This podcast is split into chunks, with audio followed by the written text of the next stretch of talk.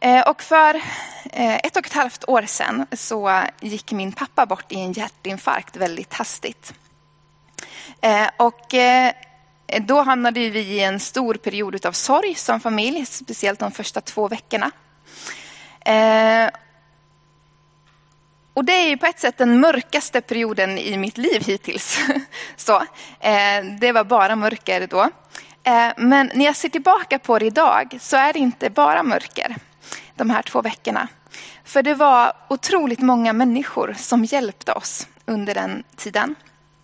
Vi behövde inte laga mat på två veckor för att människor kom till oss med mat och fika och bullar och kakor. Vi hade kakor kvar i flera liksom, veckor efteråt. Så, eh, och samma, samma vecka som min pappa gick bort, så hade han, eller veckan innan hade han köpt in 3000 skogsplantor som skulle planteras på vår mark.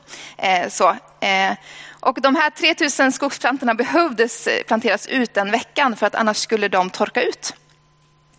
Eh, och det här kändes ju som ett enda stort, stort, stort berg när vi stod där. Liksom 3000 skogsplanter och vi är liksom fyra syskon och vi har aldrig planterat skog förut.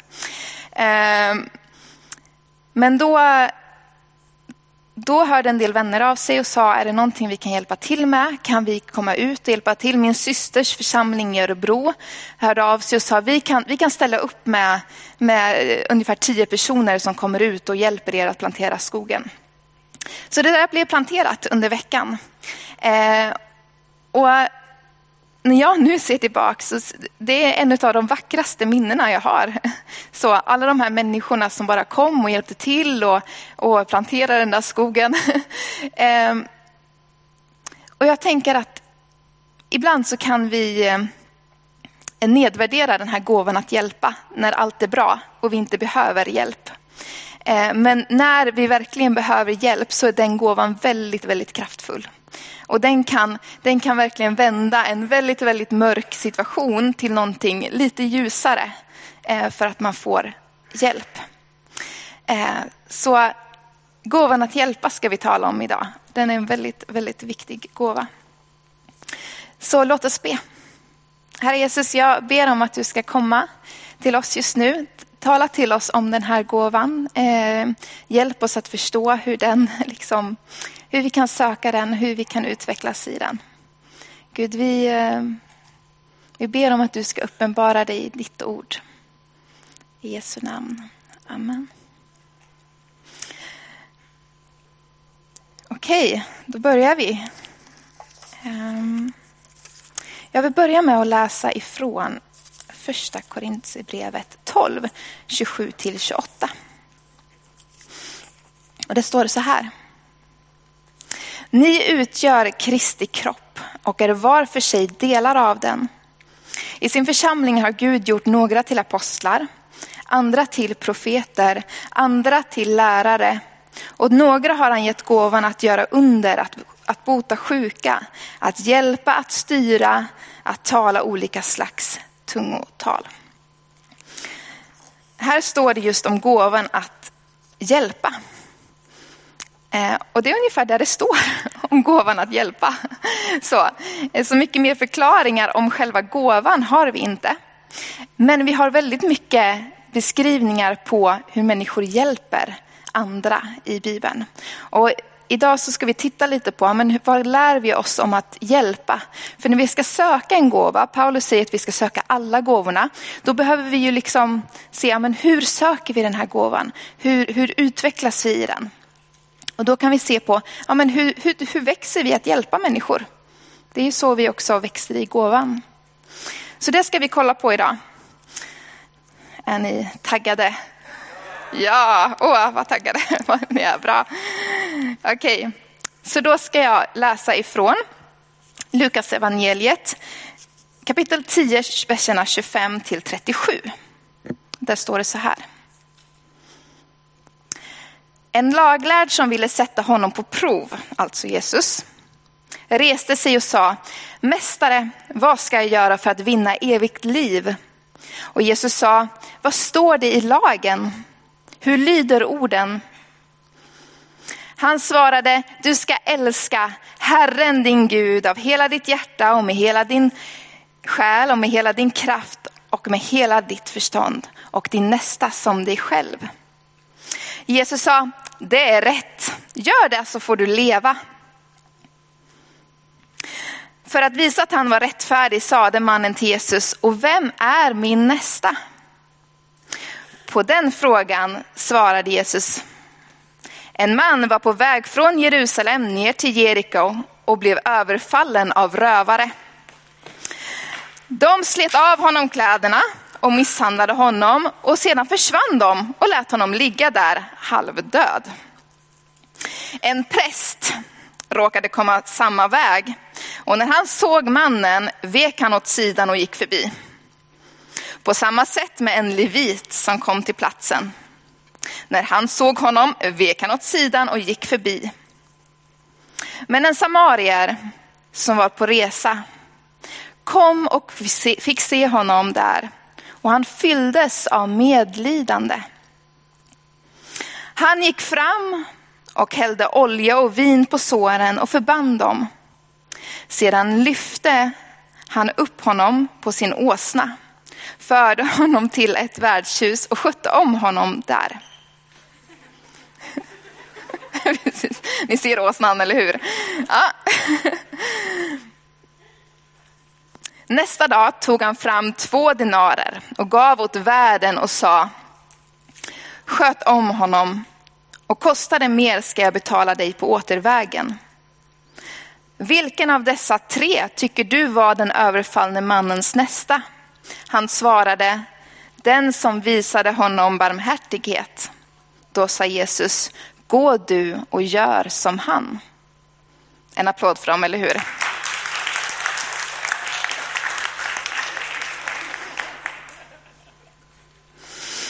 Så den här texten lär oss lite om att hjälpa, helt enkelt. Hur hjälper man? Vad behöver man tänka på? Så vi ska ta några saker här som vi ska ta med oss i hur man växer i att hjälpa. Och det första, det är att det står att mannen fylldes av medlidande. Jag tror det här är början till att hjälpa. Att vi behöver fyllas av medlidande för dem vi ska hjälpa. Och I vår kultur så är det ju ganska mycket självcentrering som pågår. Det är väldigt mycket i kulturen som säger, men tänk på dig själv. Eh, dina tankar är viktigast, följ ditt hjärta. Det som är bra för dig, det är bra för dig och gör det liksom, oavsett vad andra tänker och tycker eller mm, skadas av det. Det är en väldigt självfokus i vår kultur. Och jag skulle faktiskt säga att jag är inte säker att det är så, så mänskligt. Vad menar jag med det? Det är inte så mänskligt för att vi var aldrig skapade till att ha självfokus eller vara självcentrerade. Gud, när han, när han skapade oss så gjorde han oss till sina avbilder. Det betyder att han skapade oss lika honom själv. Och Gud är alltid självutgivande. Han ger av sig själv till andra. Så när vi blir självfokuserade och självcentrerade så kommer vi bort från det Gud hade tänkt om oss från början. Det var aldrig meningen att vi skulle vara sådana. Det här betyder ju inte att vi inte ska älska oss själva. Att älska oss själva och att vara självfokuserad är två olika saker. Självklart måste vi ju eh, älska oss själva faktiskt för att kunna älska andra på ett gott sätt. Och vi behöver kunna sätta gränser för oss själva. Jesus han satte gränser för sig själv. Han, han helade inte alla i hela Israel. Och han, han gick bort ibland och, och satte sig för sig själv för att han behövde det. För att han i sin mänskliga gestalt behövde vila. Vi behöver också ha gränser för oss själva, självklart. Men, och vi behöver älska oss själva, men vi ska ha ett annat fokus i livet. Fokuset är inte jag själv, att jag står först i kön, utan fokuset är utåt mot andra. Så jag tror att det här, den här kulturen ibland kan vara, göra det svårt för oss att känna medlidande. För att vi blir lite självcentrerade. Men det finns ju vetenskapliga studier som faktiskt visar att men när vi börjar liksom vara utgivande, då mår vi också oftast bättre. Eh, I Psychology Today så står det en artikel om att eh, om att när, vi, när människor eh, på olika sätt hjälper till, till exempel volontärarbetar, så kan deras depressioner och ångest och oro minska. Man gjorde en undersökning på de som var 55 år och äldre. Och eh, om de volontärarbetade minst på två olika organisationer eh, så hade de 44, väldigt exakt 44 procents eh, mindre risk för att dö. Och det var efter att de hade räknat bort allting annat liksom, som man kunde ha av att ja, man, kanske man var gift och lever man några år äldre och man tränar, då kan man leva lite till. Och just 44 kanske inte stämmer, men det var tydligt att det var en positiv effekt av att hjälpa andra. Eh, det var till och med så att det gav en starkare effekt för hälsan att volontärarbeta än att träna fyra gånger i veckan. Tänk er det, fyra gånger Eh, starkare effekt. Yes, säger jag. vad skönt. Det blir jättebra. Eh, men det kan hjälpa eh, depression att minska. Det visade sig att ungdomar som ser det som sin uppgift i världen att hjälpa andra generellt mår tre gånger så bra som andra ungdomar. Alltså det finns någonting av att, att vi är tänkta att vara självutgivande. Och för att vara det så behöver vi få bort fokuset från oss själva och se på andra. För då kan vi känna medlidande. Så ska vi växa, om man nu tar nästa, ska vi växa i gåvan att hjälpa, så behöver vi låta oss fyllas av medlidande. Och det kan handla om att vi faktiskt sätter oss in i en annan situation. Men hur skulle det kännas att vara i den personens situation och verkligen tänker oss in i det. Men det kan också handla om att be Gud ge mig ett hjärta för människor. Ge mig ett hjärta för den här personen. Ge mig medlidande med människor. Att vi ber Gud att fylla oss med det. För Guds hjärta slår alltid för människor. Eh, så vi kan be honom och, och, fråga honom, Gud hjälp mig, jag känner inte medlidande. Eh. Den här texten den är väldigt spännande för den, den, man har faktiskt gjort ett experiment utifrån här, den här eh, texten. Ska vi se om vi... Psykologerna heter John Darley och Daniel Botson. De har gjort ett experiment på det här. Så det de gjorde det var att de samlade en del studenter på ett teologiskt seminarium, alltså som pluggade eh, till att bli pastor, präst eller bara pluggade teologi. Och sen så eh, gav de dem den här liknelsen om den barmhärtige samarien. Så gav de den till, till de här studenterna. Eh, och så sa de, okej, okay, ni har fem minuter på er att ta er till byggnaden är borta och sen ska ni hålla en predikan. Så sa de till vissa. Sen så till andra sa de, okej okay, här har ni den här, ni har 30 minuter på er att ta er till den där byggnaden och hålla en predikan. Till några gav de ett annat ämne, ja, men tänk på eh, någonting, hur man eh, volontärarbetar bra. Och sen ska du hålla ett föredrag om det lite längre bort. Fem minuter på dig och sen 30 minuter med att tänka kring volontärarbete. Och sen då så skulle de ju ta sig till den här byggnaden. Och på vägen, vad hände? Jo, det låg en man där Eh, som eh, låg nere och hade liksom ögonen slutna och huvudet nerböjt och hade lite sjaskiga kläder på sig. Och precis när de gick förbi så hostade den här mannen till och, och grinade illa och liksom så här, ah, liksom så här. Eh. Ja. Ni kan ju prata lite om eh, hur ni tror att det här experimentet gick.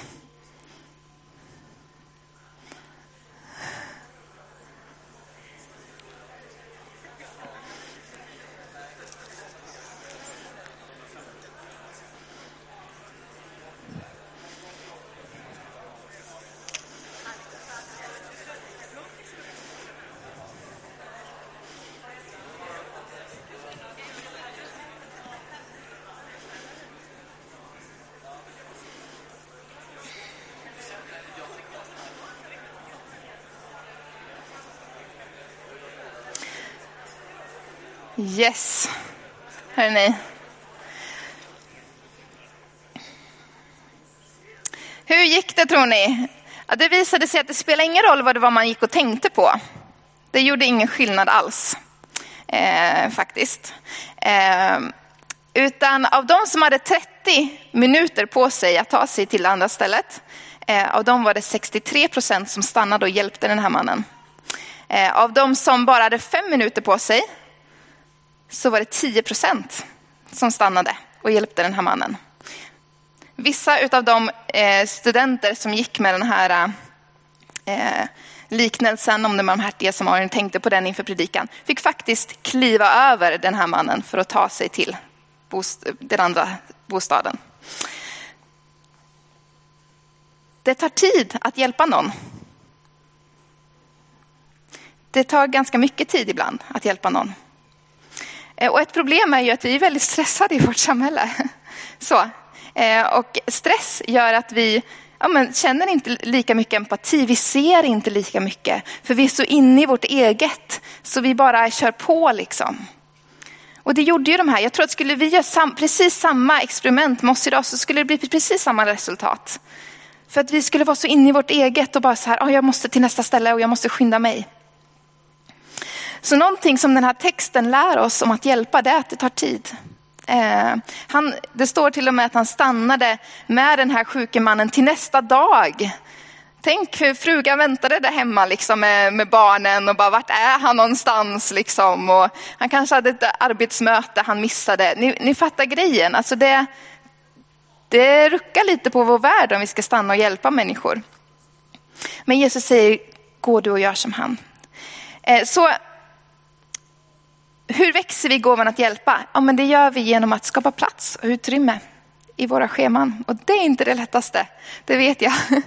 Men det är faktiskt det vi kan behöva göra. Lite plats, lite utrymme så att när behoven kommer så har vi möjlighet att säga, men du jag kan hjälpa dig. Jag har tid över, jag kan räcka ut en hjälpande hand.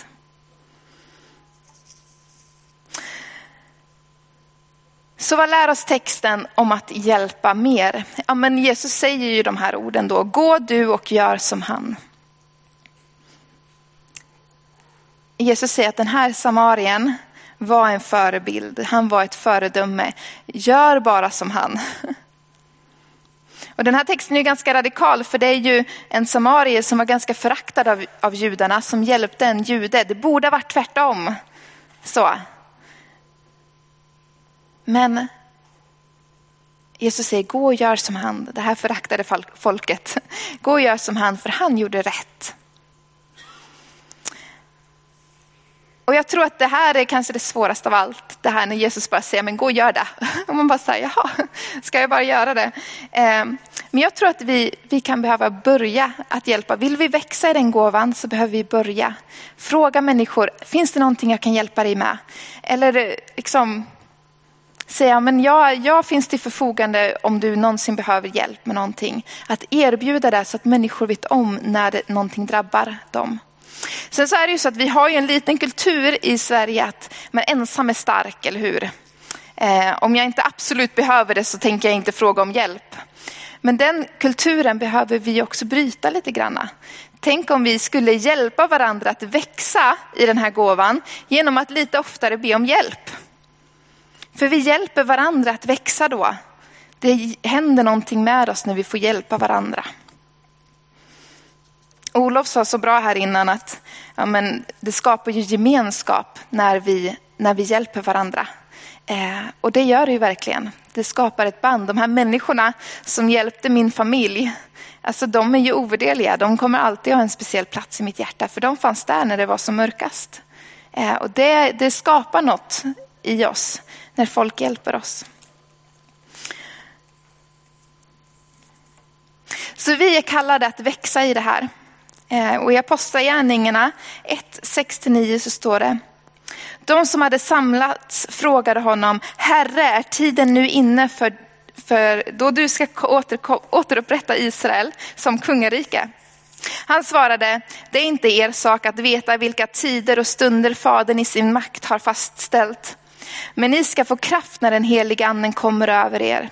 Och ni ska vittna om mig i Jerusalem och hela Judeen och Samarien och ända till jordens yttersta gräns. När han hade sagt detta såg de hur han lyftes upp i höjden och ett moln tog upp honom ur deras åsyn. Gåvorna vi får av anden är alltid tänkta att eh, hjälpa oss att dela evangeliet. Att dela eh, med oss om vem Jesus är. Eh, och jag tror att det finns en liten nyckel, för vi kan ju hjälpa människor i största allmänhet. Vi kan ju alltid vara en hjälpande hand till människor. Men det finns någonting när gåvan används ledd av anden. När vi frågar anden, vad ska jag göra? Vem ska jag hjälpa? Eh, vem ska jag fråga om, om jag får hjälpa den personen?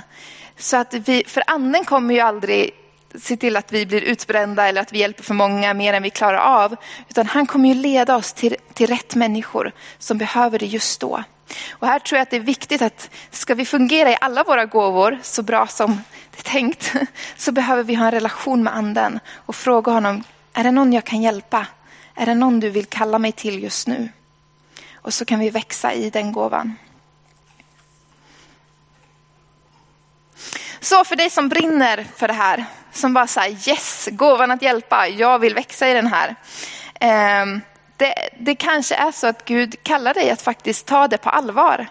Ehm, att bara, men jag har fått den här gåvan och jag behöver börja gå i den mer och börja se det som, ja men det här är en gåva som jag vill bli expert inom. Så. Eh, för det kan vara något som Gud verkligen har gett dig. För tider av svårigheter för andra människor. Eh, sen vill jag utmana dig som kanske känner att ah, jag har haft lite mycket självfokus. Det har varit väldigt mycket jag, jag eh, i, i mitt liv. Ehm. Och du kanske har haft det här självfokuset utan att egentligen känna att du älskar dig själv. Så, för man kan vara väldigt självfokuserad utan att älska sig själv. Um, om du känner så så vill jag jättegärna uppmuntra dig att söka till förbön här nu.